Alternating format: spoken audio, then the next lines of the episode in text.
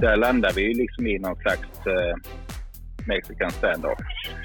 Men samtidigt så hade vi en eh, pistol i nacken på att eh, något måste vi göra. Det blir alltid en viss ångestnivå på det. Självklart eftersom man känner att säger jag att det här ser inte ut som en fusion och sen är det någon som har torterat. Merparten inser ju att inte fasen vill jag ha kungen uppskuren i oskänkt mål. Va? Utan eh, det är klart att kan vi sortera lite grann här med utbudet och jag kanske slipper så, det är ju en bra sak. Akut ultraljud på frågeställning testdistorsion. Är snabbspåret Rädda nöten spiken i kistan för jourfriden eller ett vettigt projekt till nytta för patienterna? Anders Navntoft gästar Röntgenpodden och berättar om sina erfarenheter från Helsingborg. Nej, det, det, det, jag, tänker ju, jag tänker ju hand och fot, tvåan och trean. Det måste ju vara... Kan det vara något av kuriformbenen där nere tror jag? Ja, men hur kommer rättsläkarna in då? Ja, det hjälpte ju inte mycket. Ja. Per tävlar i Röntgenpoddens radiologanpassade På spåret. Var med och se om du kan klå honom. Detta och som alltid mycket mer i avsnitt 15 av Röntgenpodden.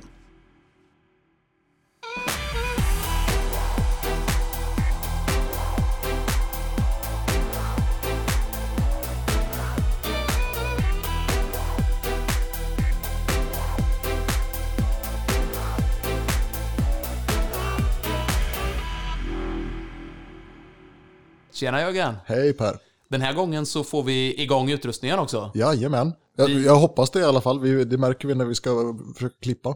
Ja, men det är inte säkert att vi fastnar på bandet. Det, det är ju helt rätt. Men, Nej, men vi, vi kanske ska liksom dra bakgrunden. Att vi, vi var ju nere i Helsingborg och höll den här Rambo-kursen för, för ST-läkare i ortopedi. Och då hade vi tänkt att då kan vi spela in ett avsnitt. men, men du skulle skriva om din föreläsning till dagen efter på kvällen. Jag är, ju inte, jag är så dålig på att göra saker i god tid så att det blev lite panik, panikjobb där på kvällen. Så det blev inget poddande i Helsingborg. Nej, Utan, men eh, resultatet var ju till fyllest vad, vad gäller föreläsningen. Ja, men kursen blev väl bra. Kursen blev bra. Ja, men, men ja. något, något poddavsnitt blev det inte. Inte nej, där. Nej, precis.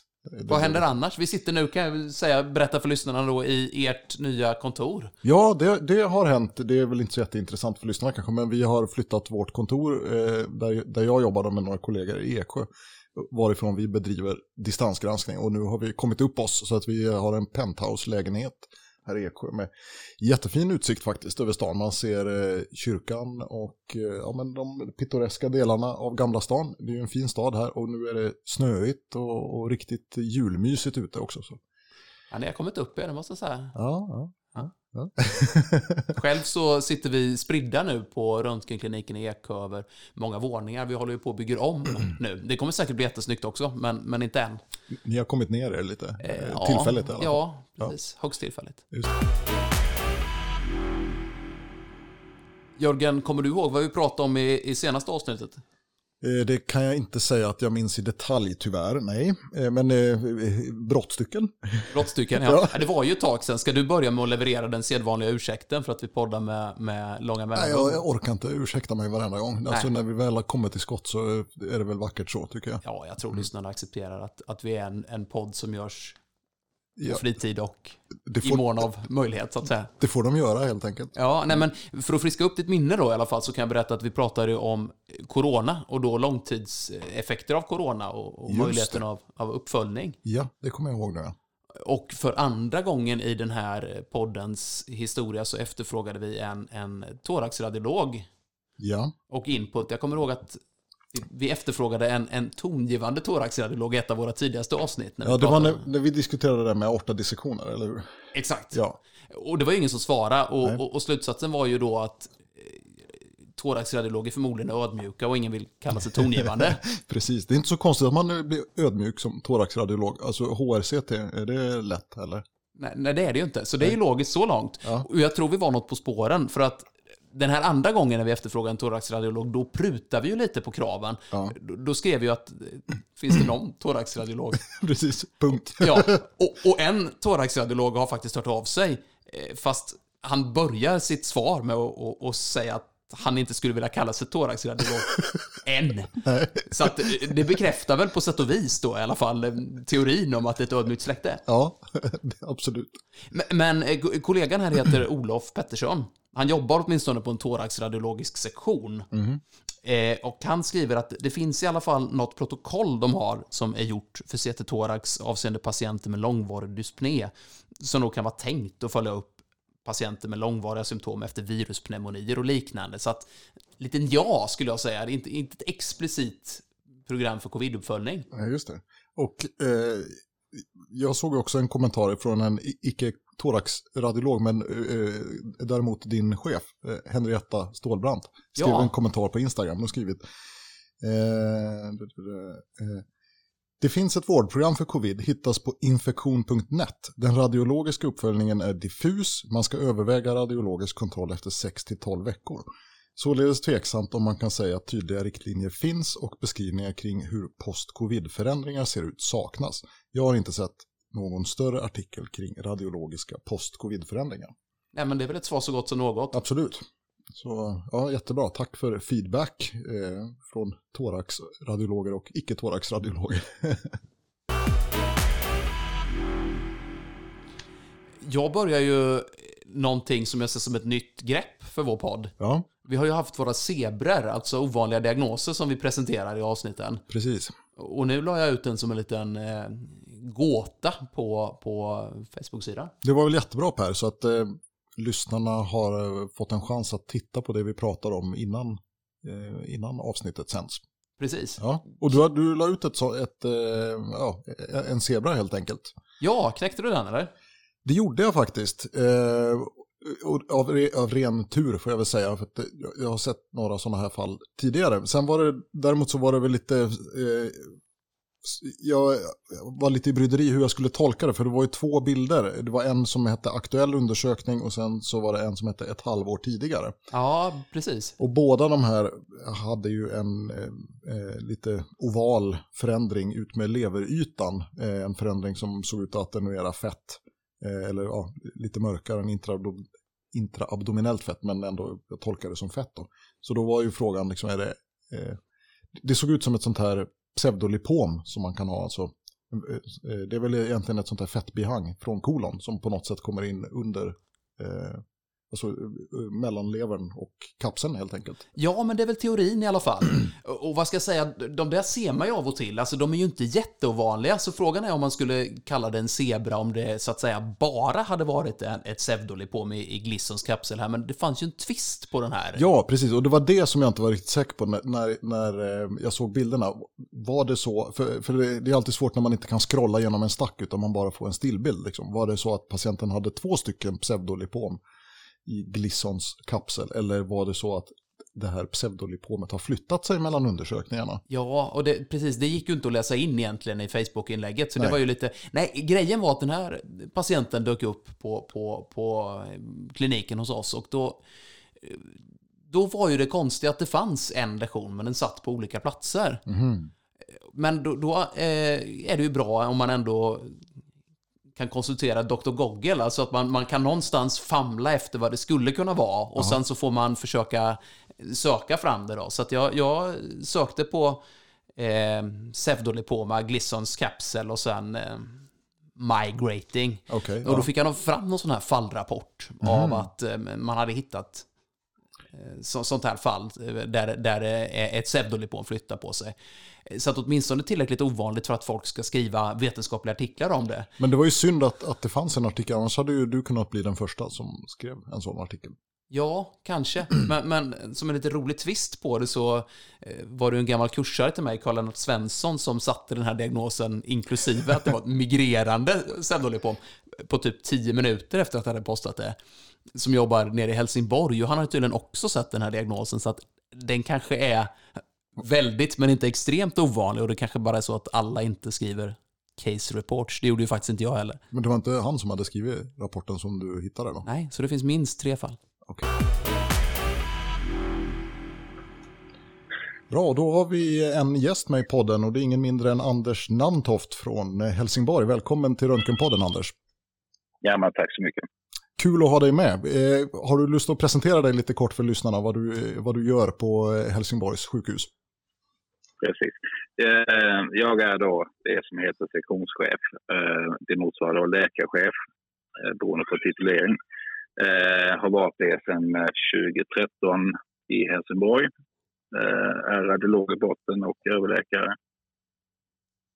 Precis, och ja. du är dessutom eh, ibland extra knäckande hyrläkare hos oss uppe på Höglandssjukhuset i, i Eksjö, eller hur? Jajamän.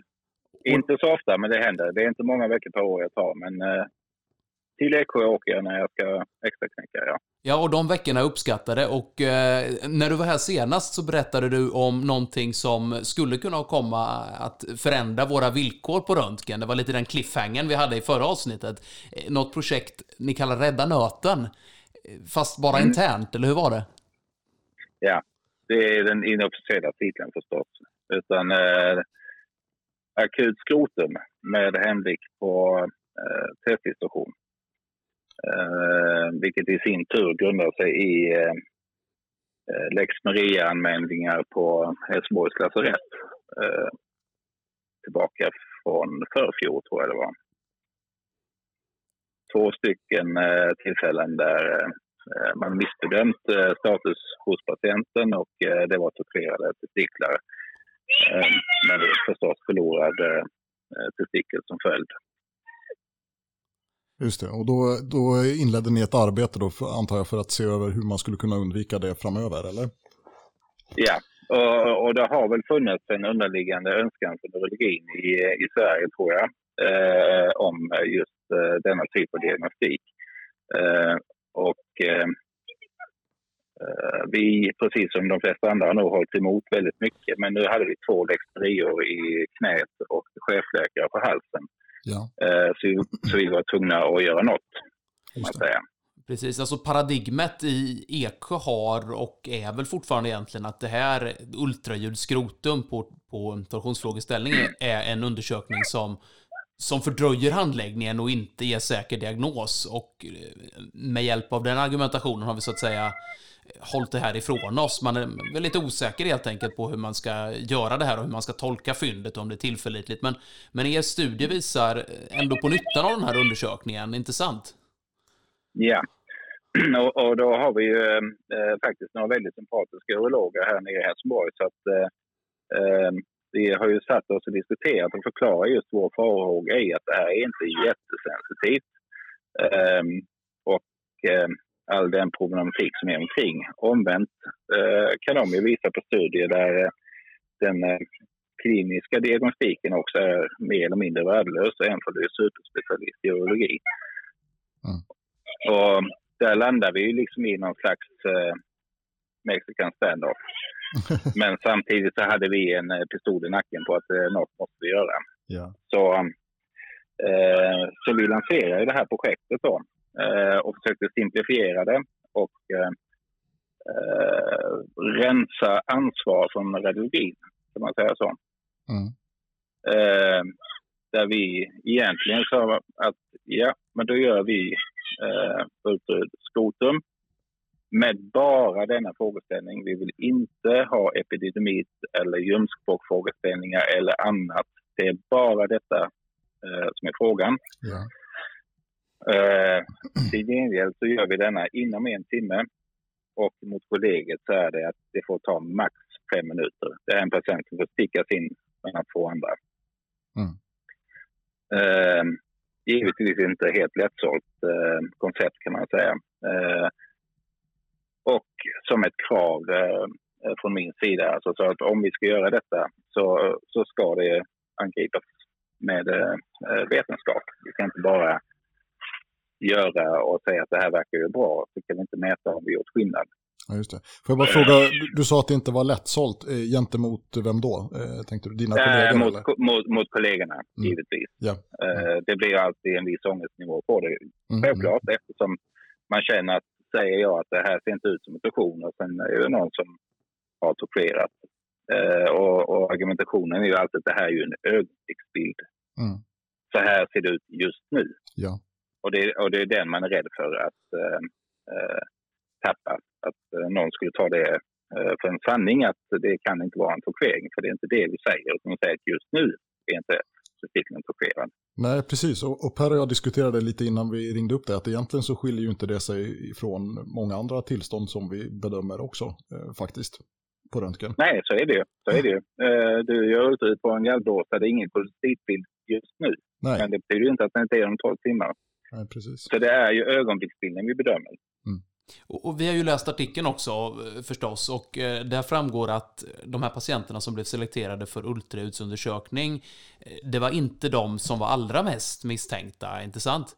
Nej, nej precis. Så att det är ju indelat i tre grupper. De med hög misstanke ska ju exploreras som vanligt. Och de med väldigt låg misstanke ska ju följas kliniskt som vanligt. Utan det här är den här lilla mellangruppen och ett åldersspann. Mm. Eh, där det finns en eh, viss ökad risk för en eh, sortering. Ja. Eh, det har ju inte blivit jättemånga, men nu kommer jag inte ihåg siffrorna riktigt, det gör ni nog, men det kan vara 50-60 stycken första året. Mm. Eh, så det, det är ju inte ett jättebesvärande flöde. Och de flesta eh, som har torkerat eller eh, har varit misstänkta för det, det har ju faktiskt skett eh, dag eller kvällstid. Eh, folk gör någon oförsiktig rörelse, man spelar fotboll, man cyklar och så händer någonting. Eh, och det är där eh, man kanske kikar. Mm. Sen har vi ju någon slags eh, gräns också för att det, det är inte så att vi eh, har ont i pungen i sju dagar, att det är ett inklusionskriterium, utan det är väl 48 timmar om jag minns rätt nu. Mm. Eh, och det exkluderar ju också väldigt många till en normal klinisk handläggning. Den här artikeln som vi pratar om nu, Anders, den är ju den är ganska ny. Den är publicerad i eh, juli förra året, eller innevarande år ska jag säga. Och det är Mm. Karl Hermansson et al. En eh, Mm. kille jag känner nerifrån från eh, Skåne. Och du har varit medförfattare också som Röntgens representant då, antar jag. Ja, precis. Och här så har vi sett då att vad ni gjorde var att, att ni eh, införde ett nytt patientflöde. Eh, en, en selektion av patienter med skrotal smärta som vid intermediär sannolikhet för teststation genomgick ultraljud och sen så jämförde ni utfallet i form av negativa explorationer då eh, med, med det året som passerat innan ni införde den, den nya rutinen, kan man säga så? Jajamän. Och eh, jag tänkte också lite på man pratar om, om någon skala i det här. Hur, hur visste ni vilka patienter ni skulle inkludera? För visst var det så att de allra mest suspekta fallen, de, de gick likväl till exploration? Ja, på vanligt vis. Ja. Mm.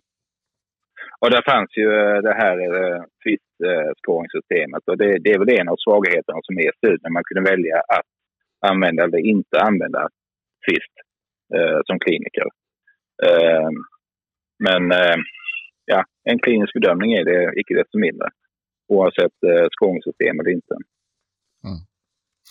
Eh, De där dokumenten du skickade, där, där eh, angavs ju hur den här twist-skalan beräknas. Om jag fattade rätt, så enda sättet att inte hamna i medium eller högriskgrupp var att man inte hade något av symptomen som, eh, som förekom i skalan. Eller var det en, missuppfattning? Eller? Kom- Kommer du ihåg det? Ja, det, nej, det är alltså en ganska intressant fråga att ställa till radiologen. Eh, där har jag faktiskt, har jag faktiskt litat på, på eh, den kliniska bedömningen där. Eh, Ja, eh, den här att använda twist eller inte twist, den, den ligger inte hos radiologin utan vi har litat på att de har bedömt det som en eh, intermediär risk och att den har eh, uppfyllt eh, ålderskriterierna. Det ser vi förstås på eh, remissen. Då. ja, just det. Och vilka var, vad var ålderskriterierna för att bli inkluderad i det här utredningsförloppet? Ja, den är ju 1 till 30 vill jag minnas. Eh, och det bjuder lite diagnostiska svårigheter kan jag säga. För att eh, en av, man kan säga att, att den simplaste versionen som vi erbjuder efterläkarna det är att vi egentligen tittar på förnyckelrotation och blodgenomströmning i testiklarna, alltså dopplersignalen. Mm. Eh, och att det är faktiskt det vi anger. Eh, sen finns det ju de andra eh, kriterierna som vi egentligen också tittar på, men det tittar vi på lite efter erfarenhet. Mm. Eh, och eh, eh, det är klart att det finns väl en viss svaghet i det också, om det är mer eller mindre ultrasvan. Men konceptet var ju att, att det här skulle vara lätt och det är detta du ska titta på. Det är detta du måste bedöma på. Mm. Uppe bra rotation i förnyckeln eh, och en eh, asymmetri i blodgenomströmningen. Mm. Sen har vi ju lärt oss efterhand, kan man säga, eh, att hyperemi är nog faktiskt mer vanligt än eh, sänkt dopplersignal. Eh, för nyckelrotationen tycker jag personligen, och det har jag inget vetenskapligt underlag för, men den har visat sig vara faktiskt en väldigt bra giveaway. Ja. Så att vi är inte helt ute och cyklar på de två punkterna. Om man tänker att det har samma styrka som ett tvåpunkts DVT-ultraljud. Sen är det för Bolt svårt att, att bara titta på snikeln och inte se epididymis samtidigt. Mm. Och det är väldigt svårt att kolla dopplersignalen utan att kolla om testiklarna är likstora. Mm. Eh, så, så, så de andra punkterna, de kommer ju lite per automatik. Ja. Eh, i det, så att säga. Va? Det blir, liksom en, vi... ja, det blir en helhetsbedömning oavsett då, vare sig man vill eller inte. Liksom. Ja, och det här med så att säga olika bedömares eh, varierande förmåga att hantera ultraljud, det är väl svårt att komma ifrån när det är en så pass akut frågeställning man hanterar. Det går ju liksom inte att samla ihop de här rädda nöten-patienterna till en mottagning som bästa ultraljudsläkaren håller en gång i veckan. Liksom, utan det ligger i sakens Nej. natur att jourhavande måste kunna göra det.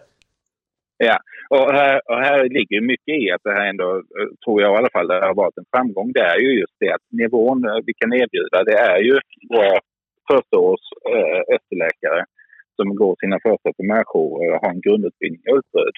Det här är den bedömningsnivån de kan ge. Sen kan, sen kan det ju vara så att någon annan sitter där med mer ultraljudserfarenhet som kan dra lite mera information från de andra kriterierna och öka träffsäkerheten, kan man säga så. Men man kan ju också säga att ni hade ganska bra resultat eh, baserat på verkligheten, de verkliga förhållandena. Jag läser här att det år ni jämförde med, innan ni införde den här nya rutinen, så explorerade man 36 patienter för misstänkt torsion. Och av dem var 27 ja. eller, eller 75 procent negativa. Mm. Medan under den period som ni hade börjat med den här undersökningen så explorerades 17 patienter och 8 var negativa, alltså då 45 procent istället. Så det är ju ganska många som slipper operationen. Ja, ja. ja och, och därför måste man ju någonstans säga att alltså, det här är ett bra koncept, tror jag. Eh, och jag tror egentligen inte eh, det ligger bara på att vi är fantastiskt duktiga på röntgen, för det är vi. Men, men jag tror det ligger mycket i att det blir ett beslutsstöd för kliniken som, som får en liten push i ena eller andra riktningen. Att just nu är det ingen funktion. Och de kanske inte riktigt kände att det var det, men det var skönt att ha med den här extra ska man säga, handpåläggningen där.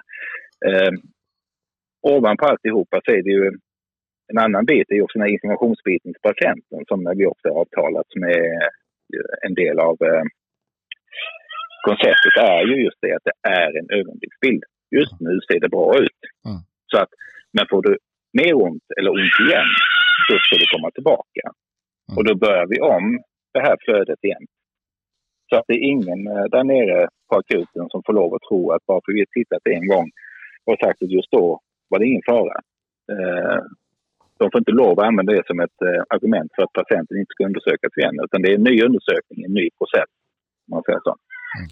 Men hur svarar ni ut då? Svarar ni ut torsion eller inte torsion? Eller svarar ni ut att dopplersignalen ser si och så ut? Eller var, var det liksom standardiserat? För jag inbillar mig att det, det, det, är lättare att sälja in till de nya ST-läkarna att eh, ni ska se om det är dopplerflöde eller inte och sen skriver ni det eh, jämfört med att sälja in att nu är det upp till er och, och bestämma om patienten ska exploreras eller, eller skickas hem. Ja, då har vi ju lagt in svarsmallar i vårt fax eh, eh med de frågorna egentligen. Så du i princip bara tänka ja och nej. Eh, och utifrån denna bild så är det ingen eh, bild av eh, torsion i ögonblicket. Eh, så har vi de som jag som är lite mer den, andra sko eh, den gamla skolan. Så att jag kan inte falla in i mallar på det viset utan jag beskriver vad jag ser och så säger jag bild som passar med torsion. Två stycken har jag faktiskt hittat. Eller så säger jag i ögonblicket eh, inga hållpunkter för eh, fusion. Ja, och så är det väl ärligt talat med det mesta inom radiologin, Anders, tycker jag i alla fall. Att när man har ja, jobbat ett tag med ett visst område, då, då tar man beslutet först och sen ser man till att, att liksom skalan stämmer med det man redan i sitt neurala nätverk har bestämt sig för. Men, men för det nya känns det skönt att kunna luta sig mot, mot fasta kriterier. Exakt, och det är därför vi har den här tvåpunktstänket. För nickel, doppelsignal, Eh, Eh, en mall där du kan eh, eh, följa i praxis. ökad sänkt signal, liksidig signal, inga tecken på funikelrotation och då har du din mall klar. Inga tecken på funikelrotation, liksidig signal, inga tecken på eh, resistation. Just det. Och kanske för att förtydliga, sen, ja, förlåt. Jag tänkte bara för att förtydliga för, för lyssnarna, som, de som kanske inte har så mycket erfarenhet av det här med, eller nya ST-läkare och så. Eh, du sa liksidig dopplersignal och det är alltså inte så att det nödvändigtvis är sänkt signal som är the giveaway. Du nämnde det tidigare, utan det kunde vara hyperemi också, eller? Just det. Den mm. allra första jag dammade över hade hyperemi och, och, det är väl förmodligen då att den ligger i ett detoxerat läge mm. eh, och har lite syrehunger. Eh, så, så det kan vara eh, en giveaway, bara att det är olika signal. Ja. Eller bara säga, vi, mä, vi mäter inte någon powerdoppler eller grejer, utan vi tittar bara okulärt på mm. att signalen är likadan. Ja, och om någon av de variablerna föll ut, alltså en asymmetrisk dopplersignal eller tecken till rotation i förnykeln, mm. då blev det exploration, eller? Ja, då blev det ju eh, ett svar därefter och en nytt, alltså en ny klinisk bedömning. Eh, får man ju säga. Och ibland kan det nog bli en motfråga. Eh, och där är det ju så att vi tar inte på oss att säga att det är eller inte är i det fallet. Jag menar, hittar du en, en nöt utan signal så, så är det klart att du skriver det. Mm. Eh, alla andra tecken som kan tyda på en eh, torkering eller intermittent torkering är det ju egentligen vi letar efter. Mm. Eh, är ju tecken på det. Eh, men det är ju inte så att vi säger att det är så. Nej. För det, det, finns ju... Ja. Det, är inget är hugget i sten så. Alltid den här ögonblicksbilden, eh, epidemiten kan likna eh, liksom, eh, eh en excess av eh, epididymis. Eh, en, en, en, eh, och hit gör att den ena nöten är större. Det behöver inte bero på att den är stasad. Eh, så, så att, det är klart att det här är inget svart eller vitt hugget. Men vi har väl hittat ett koncept tycker jag, som än så länge verkar stabilt och funka. Eh, acceptabelt för alla ingående eh, radiologer. Eh, jag tänkte också, Anders, vi har ju nu eh, liksom adresserat en av de vanliga invändningarna mot den här undersökningen, det vill säga att, att eh, den är osäker. Och den andra invändningen är ju eh, tidsperspektivet. Och då läser jag här i studien att i grupp 2, alltså den grupp som hade undersökts sedan ni, eh, eller den grupp som kom in och sökte för skrotal smärta sedan ni börjat undersöka med ultraljud ska jag säga, eh, där hade man 24 minuter längre till då en eventuell eh, operation jämfört med den grupp som hade kommit in med skrotal smärta innan det här flödet infördes. Mm. Så då, då hänvisar man här då till en, en källa där man en annan artikel där man skriver att salvage-raten, alltså att man klarar att rädda testikeln när sex timmar har passerat, eh, har varit 96 procent och efter 12 timmar så är den 82 procent. Alltså man menar att de här 24 minuterna borde vara försumbara gällande hur många testiklar som, som hinner gå under under tiden, så att säga. Mm. Exakt. Ja, jag vet inte, det kan jag inte invända mot. Alltså, det verkar väl logiskt. Eh, det är väl inte eh, någonting som händer sådär pang bom, tänker jag. Utan de i höghetsgruppen som verkligen har snurrat och, och tappat eh, all syreförsörjning. Eh, de ingår ju inte här, utan det är ju den intermittenta gruppen. Det är väl en semitorfering. Den ligger vippar lite på gränsen. Eh, ja, det verkar logiskt för mig att de där 24 minuterna kanske inte är avgörande. Man kan säga den, den enda invändning jag kommer på ytterligare och som man också adresserar i studien, det är väl då studiens ganska låga statistiska power, alltså det faktum att, ja. att den är gjord på ett sjukhus under en, en, kort tid. Och frågan är liksom, har ni några planer på någon, någon större studie eller vet du om det, det är någonting urologerna driver eller om det är något på gång där? Nej, alltså mig vetligen så är det ingenting på gång, men vi håller på att fiska efter det för att det är klart eh, eh det är ingen jättekraftfull studie, men den är, väl, den är stabil skulle jag ändå säga. Men, men den är tillräckligt stabil för att vi inte kommer kunna sluta med det kan man säga så. Mm. Eh, men, men, det är klart att vi eh, borde göra eh, fler studier i frågan. Och här finns ju fler aspekter rent radiologiska. Eh, vi har ju duktiga sonografer, som eh, framförallt en kanske, som eh, eh, ju har fångat eh, torpederade testiklar en passant kan man säga så, med epidemifrågeställningar. Som har haft en del invändningar i vilket kriterium är det egentligen vi fångar på. Eh, och, och, på mig så är det ju eh, ja, vad ska jag säga, jag tror jag har tagit tre av eh, de torpederingar som varit. Och för mig så har det varit för nyckelrotation som eh, eh, har varit grejen. Mm. Men, men eh, det kan ju vara en slump. Jag menar, utav fem gjorda skoten så fångar jag tre eh, rotationer och eh, eh ja, men det kan vara en ren tillfällighet förstås i, i sammanhanget. Men det kanske är en bra eh, indikator, tänker jag. Det är väl någonting man borde kunna fördjupa sig i. Eh, vad är den bästa indikatorn? Ja, precis. För, för om, man, om man gör en större studie så skulle man ju kunna tänka sig att man inte bara studerar om konceptet kan minska negativa explorationer, utan också att man så att säga studerar de olika radiologiska tecknen var för sig och, och, och räknar på specificitet och sensitivitet för dem, dem då, rotation respektive asymmetri i Doppler och så vidare.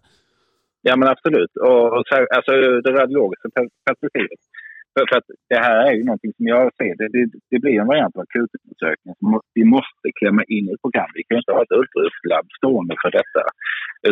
Så, så att det måste ju vara eh, någonting som är snabbt, simpelt och lättförståeligt.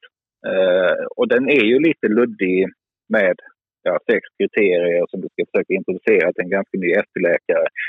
Ehm, och sen ska du göra en helhetsbedömning på de sex kriterierna. Det, det är ju inte snötet i näsan, om man säger så. Det är ju därför vi försöker koka ner det till en variant av tvåpunktsundersökning. Eh, eh Men eh, jag tror man skulle kunna förfina det en hel del, så det, det kan nog finnas en liten doktorsavhandling där kan jag tänka. Och det finns ju flera aspekter i detta. Alltså det här är ju lite av en pilot ändå, får man väl ändå säga. Men den har haft ett bra resultat och tillräckligt bra för att vi inte kan komma ifrån vi har ju Jörgen i vår kurs i basal akutradiologi haft ett fall med eh, torsion där man inte frågade efter det. Och så diskuterar vi lite fram och tillbaka då under seminarierna kring huruvida den här undersökningen är någonting man ska göra. Jag tror mm. att vi inför nästa upplaga får, får uppdatera det fallet med den här studien. För så pass, så pass bra tycker jag i alla fall att det är. Det är liksom mm. svårt mm. att bortse från resultatet. Ja visst. Och jätteintressant att ha, att ha en eh, eh, ordentlig studie att kunna referera till också nu då, när ja. den diskussionen kommer upp Exakt. i kommande kurstillfällen. Intressant. Ja, nej, men jag, jag, jag, tror på det här. Alltså jag, jag förstår ju. Jag hade också en, en automatisk ryggmärgsreflex som sa nej, nej, nej, nej. Mm. Eh, men men eh, jag hade ju halva sjukhusledningen och chef, chefläkaren mot mig. Så att, eh, mm. ja, du, du fick ge dig helt enkelt. ja, men alltså, ja, det är ju något slags sunt förnuft. Alltså, ofta är det bara att referera till sig själv. Alltså, skulle du lottades mellan att bara få pungen uppskuren eller kanske ett ultraljud som gör att du inte sitter, så det är klart du mm. vill ha ultraljudet först, eller hur? Ja, eh, det, sen så kan man tycka som radiolog i ett eh, pressat akutflöde att det är inte jättecharmigt, men så många är det inte. Alltså, så många blir det inte. Eh, Sen får vi väl ärligt erkänna att, att eh, vi, man ser ju ibland tendenser till att man eh, försöker tulla på det här. Att det, det. är 50-åringar som ska ha det och sådär. Men där är vi stenhårda och har jättebra samarbete med urologen. Ja, ska vi fortsätta med detta så håller vi oss till den algoritm vi har lagt upp. Eh, annars så blir det inget. Ja, men det var intressant att du sa det. Jag hade precis tänkt fråga det. Liksom, om ni hade sett några tendenser till indikationsglidning. Och det, det fanns det då alltså lite grann. Ja, det gör det. det, gör det. Mm. Men eh, vi håller dem. Mm. Eh, och det är stenhårda order på att hålla det. Mm. Och man får heller inte lov att leta efter eventuella bifynd. Det är klart det är svårt att inte se epididemiter, men du får inte leta efter. Du får inte leta efter mogantis. Det ingår inte i detta. Mm. Utan, utan nu är det session vi tittar på. Givetvis om du ser en annan uppenbar diagnos så ska du rapportera den. Du ska inte leta efter dem, utan allt det andra är behandling, uppföljning, klinisk kontroll. Mm. Eh, och payoffen vi hoppades på var ett minskat antal uppföljande totala ultraljud. Eh, det ser vi tyvärr inte. Eh, men det hade vi hoppats på. Eh, det var min mentala endpoint vid sidan om att man rent faktiskt skulle i större utsträckning eh, följa den här ömmande testikeln kliniskt, mm behandla den och sen, och sen eh, eh, lämna det därhän. Så du menar att de patienter som har kommit för den här akutversionen av, av ultraljud, de kommer också tillbaka sen för ett poly kompletterande polikliniskt komplett ultraljud? Ja, ja alltså nej egentligen, eh, det var inte tanken utan de skulle remitteras till vårdcentral för mm. Eh, klinisk uppföljning eh, och vid behov eh, kompletterande ultraljud. Okay. Eh, jag tror det har uppfattats lite grann som ett reflexmässigt behovet finns. Mm. Eh, och, och, det är väl inte egentligen varken vårt eller urologens uh, haveri utan det är väl att vårdcentralerna har svårt att uh, boka in patienter för en klinisk uppföljning misstänker jag. Mm. Uh, men uh, ja, det är väl nästa bit vi får jobba lite med. Uh, ja, jag vet inte, med tanke på hur mycket olika uppgifter vi åläggs att göra med givna intervall utan evidens så är väl det här mm. någonting som, som man irriterar sig mindre på, eller hur? Hur många av alla SVF-flöden vi utför har, har eh, evidens i bakgrunden? Inte så många skulle jag tro. Det finns andra urologiska SVF-flöden som man kan irritera sig mer på, om man säger så. Ja, lite så. Ja, ja men absolut. absolut. Och som sagt, det är inte en jättevanlig undersökning. Det är det inte. Och i mitt personliga tycke så tycker jag det här är lite roligt också för att eh, som före detta ultraljudsmänniska så eh, jag tycker det är en jättebra undersökning. Det är en fantastisk metod att, att ta sig in liksom i, i diagnostiken. Eh, men det är ju inte kul att ha en eftermiddag med bara pungkulor. Det, det kan man ju inte säga. Va? Men det här gör ju att det blir ändå lite, lite häftigare. Va? Mm. Alltså, lite kul är det. Det är en liten utmaning och du får fem minuter. That's it. Du får inte ett program på 20. Du, fem minuter, du sticker in den, du bara tar ett beslut. Jag tycker det är lite kul mm. att även ultraljud kommer in som en akutradiologisk eh, gren. Mm. Som FAST, fast på påsen. Just det. Ja, men jag tycker, jag tycker vi avrundar det här egentligen. Om inte du har någonting du vill tillägga Anders, utan jag tror vi har, vi har fått ut den här eh, bistra sanningen om att vi kanske är, är, är tvungna att acceptera det här, eller i alla fall ställa upp på, på en större multicenterstudie som kan, kan undersöka saken närmare. Ja, men det tror jag har varit jättebra. Eh, och jag tror också här i eh, denna eh, eh, studie här så, så nämns det också att förutsättningarna är ju inte likadana överallt i hela landet. Det finns ju en liten snäll vinkel i att man kanske inte kan erbjuda dig dygnet runt på alla sjukhus. Och det kanske är gott så. Du kanske inte måste kliva upp klockan fem och göra detta. Mm. Eller det kanske bara är en akutmottagning och har normalöppet fram till nio. Uh, du kanske inte, det kanske inte är så livshotande. Du kanske får acceptera att uh, explorera uh, om klockan är två. Ja, alltså jag, det, jag tycker, jag, det, det, värsta som kan hända är väl att man får göra som man gjorde innan vi började med det här. Det vill säga bedöma patienten kliniskt och eh, fatta beslut utifrån det. Då. Ja, Nej, men jag, jag, jag, tycker att de lämnar lite snyggt och det är givetvis också efter långa dueller i, i, i upptakten här och hur vi ska tolka slutresultatet. Men det är klart, vilken, den verklighet vi lever i med 24 sjukjour på plats är ju inte samma verklighet som mellanstora eller små sjukhus har runt om i landet. Det, det kan man inte förvänta sig. Men man kan erbjuda dagtid, mm. vad vet jag. Mm. Uh, man måste inte gå all in alltid. Uh, det, det, går säkert att hitta en, en mellanväg, tror jag. Jättebra. Ska vi nöja oss så? Ja, det tycker jag. Ja, det var ja. väldigt intressant samtal. Roligt att, att höra dig berätta om ert arbete, Anders, och om den här studien. Mm. Stort tack för att du var med i Röntgenpodden.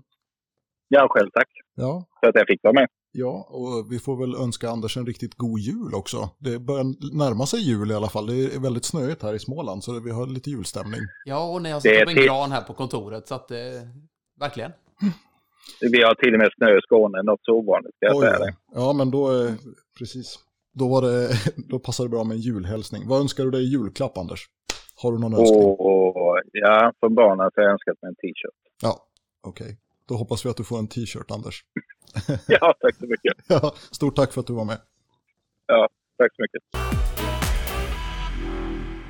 Kommer vi få ta emot näthat nu Jörgen? Eller du hade redan pratat om det här, den här intervjun med några kollegor och det hade inte fallit väl ut, eller hur, hur var det? Nej, jag vet inte. Alltså det var ju inte någon som var sådär omedelbart entusiastisk till hurra, ska vi få göra mer jourundersökningar, utan de tyckte väl mer att vad ska ni nu dra upp det här för?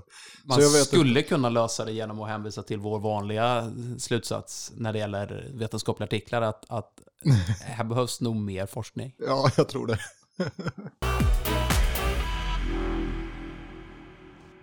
Vi skulle blivit intervjuade idag, Jörgen, eller hur? Ja, precis. Det skulle vi ha blivit, men det blev det inte så. Nej, Sara Wallby skulle intervjuat oss i, i Magomedica och hade, då hade vi tänkt att vi kan ju spela in den intervjun själva och kanske göra en poddversion av den också, men, men så fick hon förhinder och nu sitter du här med någon form av quiz. Ja, det var det så lite kuppartat, men eh, du kan, hade du pratat med Sara om att vi eventuellt eh, skulle ha med henne i podden när hon intervjuade oss? Nej, Nej, det hade jag inte. Nej. Men eh, det hade säkert gått. Och det hade säkert gått med quiz också, men nu blir det inget, eller? Eh, nej, jag vet, alltså det här quizet, det hade jag ju knappt pratat med dig om ens en gång. Det var bara en sån här idé jag kom på eftersom det lackar lite mot jul. Eh, man ska ju ha lite julpyssel, eller hur? Ja, vad går det ut på då? Ja, eh, jag vet inte. Känner du igen den där musiken Per, om du lyssnar? Nej, det, det tror jag inte. Det ringer ingen klocka så direkt. Nej, du kommer känna igen den, den snart här. Eh, om man tittar ut här genom fönstren så ser man ett snöigt, vackert Eksjö. Och eh, vad passar bättre i juletider än att sätta sig framför tvn framför ett avsnitt av På spåret? Det, det, kan man ju, det kan man ju hålla med om förstås. Tittar du på På spåret? Absolut. Ja. Då, då, har jag satt ihop ett, ett litet På spåret-quiz här för dig. Som jag tänkte att eftersom Sara inte är här, då får du tävla mot lyssnarna istället. Okay. Så jag kommer läsa upp lite ledtrådar här och sen får du quencha när du tror att du kan svaret. Ska jag, ska jag trycka på någon knapp här då som du har kopplat till Ja, quencha, den där röda kan du trycka på då när du tycker att det är dags att quencha. Inte den? Nej, den röda. Ja, okej. Okay. Mm. Och sen kommer jag fortsätta läsa för de som inte har knäckt det lika fort som du då. Ja, okej. Okay. Ja. Men då kommer första frågan här Per. Ja, ja, ja. Till vilket ben är vi på väg? För 10 poäng. Kommer från tvåan och trean men slutar i ettan? Eller är det sexan? G-krafterna är av stor vikt för var benet hamnar. Det hörs ju på namnet. Ja, ingen omedelbar reaktion det, det, jag från tänker Per. Ju, jag tänker ju hand och fot, tvåan och trean. Det måste ju ja, vara... Ja, ja. Kan det vara något av kuriformbenen där nere? Ja, åtta poäng. Spottstenar består till största delen av kalk och så även detta ben. Men eventuella stenar med koppling till det här benet har mest med volfram att göra. Tungsten? Ja, vill du quencha? Är det ditt ben och inte sten eller? Ja, ja, då tar vi sex poäng. Vi blir sällan tillfrågade om detta ben som är lika åsidosatt som de närmast sörjande kollegorna. Örondoktorerna hör väl dit. Och möjligen rättsläkarna. Är det dags för en quench? Öronläkaren hör dit. Är det någonting i örat då? Är det stigbygeln, städet eller kanske hammaren? Jag tror att jag... Ja, Per quenchar. Du kunde skriva på lappen där vad du tror. Så fortsätter jag med fyra poäng. För de som inte har knäckt det ännu. Mitt i medellinjen vaktar detta ben med kropp och horn. Inte konstigt att inga andra vågar närma sig. Och på två poäng. Har ni inte klarat gåtan vid det här laget, då får ni ha tungt vägande skäl. Hyoidea mig. Ja, det skulle man ju väntat helt klart. Jag var ju inne på örat och, och, och cyklade. Ja. Så det var inget bra. Nej, vad skrev du jag på lappen? Ha hammaren. Skrev hammaren, ja. Jag tänkte att du pratade om rättsläkarna och när du pratade öron så tänkte jag ja, men precis. att man kan inte slå ihjäl någon med en stigbygel. kan man inte? Nej, det är svårt att säga. det kanske går. Men du, nu får du gå igenom de här Ja, ska vi göra det? Ja, precis. Eh, tio poäng då. Kommer från tvåan och trean men slutar i ettan, eller är det sexan? Det ska vara svårt på tio poäng. Ja, det, det ska ja. vara svårt. Tungbenet kommer ju från andra och tredje hjälfickorna embryologiskt. Ja, ja, ja. ja, och så slutar det i ettan eller är det sexan? Det är ju tungbenet som utgör gränsen mellan region 1 och 6 när man ska lokalisera halsens lymfkörtlar. Så tänkte jag. Så tänkte du. Ja. Och det, det är ju, det, det, vad brukar de säga i Riktiga På spåret? Det är Sveriges svåraste fredagsunderhållning. Precis. Eh, G-krafterna är av stor vikt för var benet hamnar. Det hörs ju på namnet. Ja, tungbenet. Ja. Ja, det är tungt. Ja. Ja. Åtta poäng. Spottstenar består till största delen av kalk, även detta ben. Men eventuella stenar med koppling till det här benet har mest med volfram att göra. Du sa ju faktiskt tungsten. Ja, Som volfram. Ja, ja, det, det Det het- tycker man att han kunde tagit det alltså. Du var ju på väg. Ja. Ja, ja, mm, mm, ja det är bra Per. Eh, vi blir sällan tillfrågade om detta ben, det vet vi ju alla. Örondoktorerna, det är väl de som har hand om det här benet kanske i första hand. Ja, men Eh. hur kommer rättsläkarna in då? Alltså, man kan väl få skador på tungbenet vid strypning tror jag. Okej, ja det låter ju logiskt. Ja, så att då eh, tror jag de är intresserade. Ehm, mitt i medellinjen vaktar detta ben med kropp och horn. Eh, ja, och så tvåan då, den var väl ganska, ganska tydlig. Ja, den var ju tydlig. Men jag antar att en och annan lyssnare tar det högre, men det vet tusan. Om någon tar det här på tian, då, då får man nästan gå in på våra sociala medier och så... Ja, då får man, eh, Så får man anmäla sig ja. och så måste man vara ärlig naturligtvis. Ja. Ja. Helt, helt klart. Känner du, har du lite revanschlust? Ja, det, det får jag väl säga. Har du, har du tre 10 poängs ledtrådar på nästa resa? nej, nej, det här ska du, det här kan du nog Per. Ja, ja tror jag. Jag, jag tror det kommer gå bra. Vi, vi kör igen då, ska vi se. Eh, där ska vi komma igång. Eh, till vilken diagnos är vi på väg? Och vi börjar på 10-poängsnivån. Pes anserinus är en känd struktur, men vårt mål sitter i en annan del av kroppen och vi leds dit av en annan, lite rostigare del av fågeln. Hästens rinus, gåsfoten, en rostig del av fågeln.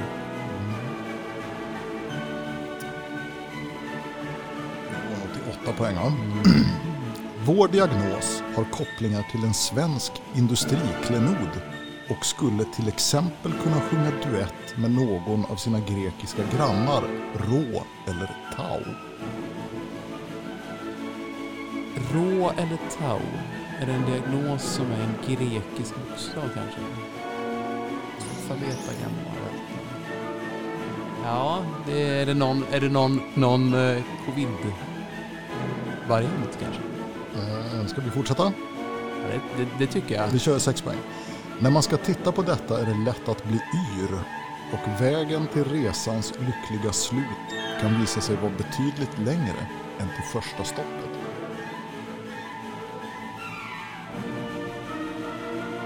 Det hjälper ju inte mycket. Nej, det var för svårt. Ja. kanske, kanske har gjort det onödigt krångligt. Okej, fyra poäng. Sällan bota men ofta lindra och alltid trösta, sa Hippokrates. Detta tillstånd är ett av få där vi på röntgen faktiskt kan erbjuda bot. Sällan på kontorstid, ofta med anspänning och alltid med en sopsäck. Ja, det är, Per Stjernstedt. Beslutsamt och skriver på sin lapp. Och jag läser då tvåpoängs eh, för de som eh, ännu inte har knäckt det. Två poäng. Nödbroms kan man säga att det blir när tjocktarmen snurrar upp sig. En slang från efterföljande raksträcka brukar dock lösa skiten. Va, vad skrev du på din lapp? ja, här skrev jag Sigmoideum. Ja, det är bra. Bra Per, fyra poäng. Ja, jag räddade äran med nätt och jämnt. Jag vill, jag vill ändå ha lite genomgång här. Är det Sigma som ska vara den grekiska grannen då kanske? Eh, ja, precis. Alltså om vi börjar på 10-poängsnivån. Pes anserinus är en känd struktur, men vårt mål sitter i en annan del av kroppen. Nej, Sigmoideum sitter ju inte i knät. Nej, det är ju logiskt. Ja, och vi leds dit av en annan, lite rostigare del av fågeln. Eh, nu när du vet att det var Sigmoideum volvulus, kan du lista ut vad jag tänkte på? Alltså, det finns ju det här beak sign pratar man väl om, Ja, hur? ja. När man gör ingjutningen sen då för att lösa volvuluset. Ja, men så är det ju. Men, men rost? Ja, näbb heter ju rostrum på latin. Ja. Mm. Det kan jag tycka, Jörgen, att du vred det här, För långt. kanske. Kanske, okej. Den här, ja. ja. Ja, men det kanske finns Det är någon- 10-poängsnivån, det är klart. Ja, det ska vara svårt. Ja. Eh, vår diagnos har kopplingar till en svensk industriklenod. Volvo, eller hur? Ja. Ja. Jag, jag måste faktiskt säga att jag tänkte på Volvo. Ja. Men jag, jag kom inte fram till volveringen då. Det kanske Nej, säger nej. mer om mig än om frågan. Det, kunde jag ju kanske. Just det. Och skulle till exempel kunna sjunga duett, som i Volvo Duett, med någon av sina grekiska grannar Rå eller Tau. Sigma är ju mellan Rå och Tau. Ja, ja, jag förstår det. Och jag vet att Sigma är grekisk bokstav, men jag, jag kan inte bokstavera alfabetet i ordning. Och där börjar jag ju tänka på eh, liksom, den, den, den senaste covid covid-mutationen, vilket väl är omikron när vi håller på att podda, men det är kanske något helt Precis, annat. jag tänkte om jag skulle ha med det, men det blev, ja, jag fick inte till det riktigt på något bra sätt. Men det här var inte heller riktigt bra kanske, så att det skulle jag ha kört på covid-varianten istället. Eh, Okej, sex poäng. När man ska titta på detta är det lätt att bli yr. Eh, för det brukar ju snurra förstås. Ja. Eh, och vägen till resans lyckliga slut, det vill säga att man har löst volveringen, kan visa sig vara betydligt längre än till det första stoppet. Det vet ju alla som har provat någon gång. Att det kan ta lång tid. Det kan du göra, det kan du göra. Ja, ganska kryptiskt ändå alltså. Ja, det kanske får... Eller så är det bara jag som är dålig. Det, jag är säker på att lyssnarna kommer att berätta det för mig. I så fall, ja precis. Eh, eh, fyra poäng. Sällan bota, men ofta lindra och alltid trösta sig Hippokrates. Eh, och det här är ett av få tillstånd där vi faktiskt kan erbjuda bot. Sällan på kontorstid, ofta med anspänning och alltid med en sopsäck. Det här tog du dig direkt. Ja, alltså det är inte så mycket vi botar. Det, det är ju Nej. liksom stasnjure, piglux och sigmoid envalvulus, kanske. Precis. Och så sista då, nödbroms kan man säga att det blir när tjocktarmen snurrar upp sig. Då var det ju ganska klart. Hörru du Per, det är ju en strålande insats, tycker jag. Ja, jag räddar äran lite i alla fall på slutet. Jag har med mig en påse med lite hemkokt knäck som du ska få som pris. Tack så mycket Jörgen. Ja. Alltså jag, jag känner på mig att Sara kommer sitta hemma och lyssna på det här avsnittet och som tokäga mig. Ja, hon kommer, ja, ja, men hon kommer ju påstå att hon tog allt före dig. Ja, men det sa Men det- hon är bra på quiz, hon brukar göra quiz. Alltså, ja, jag är Ja. inte riktigt nöjd med det där, men det var, det var en kul programpunkt i alla fall. Hon, hon, hon må vara bra på quiz, men hon var inte så bra på att komma hit. Så att då... 1-1 kanske. 1-1, ja, precis. så är det. Ja, då har vi eh, gjort ett avsnitt till du. Ja, det har vi. Mm. Och kul har vi haft under tiden också. Ja, men det har vi faktiskt. Kul att eh, ha en, en gäst med, om än på telefon, och eh, prata om den här intressanta studien tycker jag. Ja, men det var ju lite roligt. Eh, Gästen tyckte ju eftersnacket att det var, det var kul att, att vara med i podden och att han sa att han hade faktiskt inte känt till podden innan han blev tillfrågad att vara med. Nej. Men han tyckte det var ett gott initiativ och han undrade om, om vi inte kunde intervjua fler gäster från övriga delar av Röntgen-Sverige. Och det gör vi ju gärna om vi får bra uppslag. Ja, precis. Och det har vi ju sagt att det, det, är nog en... Det har vi inte utnyttjat den möjligheten tillräckligt väl, tror jag. Att, utnyttja, att eh, bjuda in gäster till podden och intervjua dem. Så det får vi göra, absolut. Är det någon som har några tips så får ni gärna höra av er till oss, eh, förstås, som vanligt.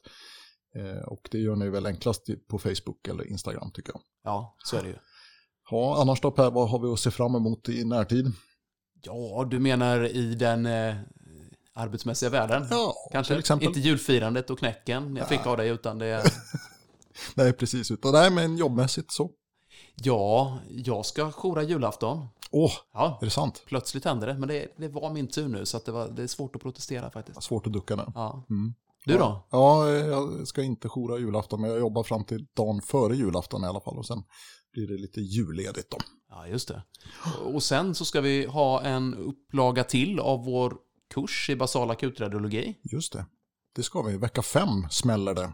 Ja, Och då har vi, vi har ju fått utöka den nu. Det var ju så många eh, anmälda. Så att eh, 40 deltagare tar vi in nu då. Och det blir en digital version denna gång också. Ja det är väl eh, omikron den här gången. Jag vet inte ärligt talat. Det börjar pratas om restriktioner nu igen. Eh, Jag, jag tyckte jag var lite feg som sa att det är säkrast att köra digitalt när vi diskuterade det här förra gången. Men vem vet? Vem vet? Ja, precis. Så det är väl... Eh, det, var, det är väl lika bra att det blev som det blev, så att säga. Det ska i alla fall bli väldigt roligt att köra kursen igen, tycker jag. Ja, och och sen kan vi väl säga att vi har ju, trots att vi har utökat kursen så har vi en ganska lång reservlista. Ja. Vi har ju fortfarande planer på att göra en fysisk upplaga och med lite tur redan till hösten. Mm, precis. Om Gud vill och Tegnell håller med. Ja, vi siktar på det i alla fall. Och det kommer vi att återkomma till framöver förstås. Incha Tegnell. Incha Tegnell. Men eh, vi eh, får väl ta och runda av här då Per. Och eh, ja, vi har ju en ständig ambition om att göra våra poddar lite oftare. Men någon, något nytt avsnitt före jul blir det kanske inte. Det blir det inte. Men ambitionen om att podda oftare, den, den står ju kvar. Så får vi väl se om det går bättre än, Ja, än den, vanligt. den är bergfast och konstant. Ja, Men ehm, då tycker jag att vi tar och önskar våra lyssnare en riktigt god jul. det gör vi. Och tackar för oss och för den här gången. På återhörande.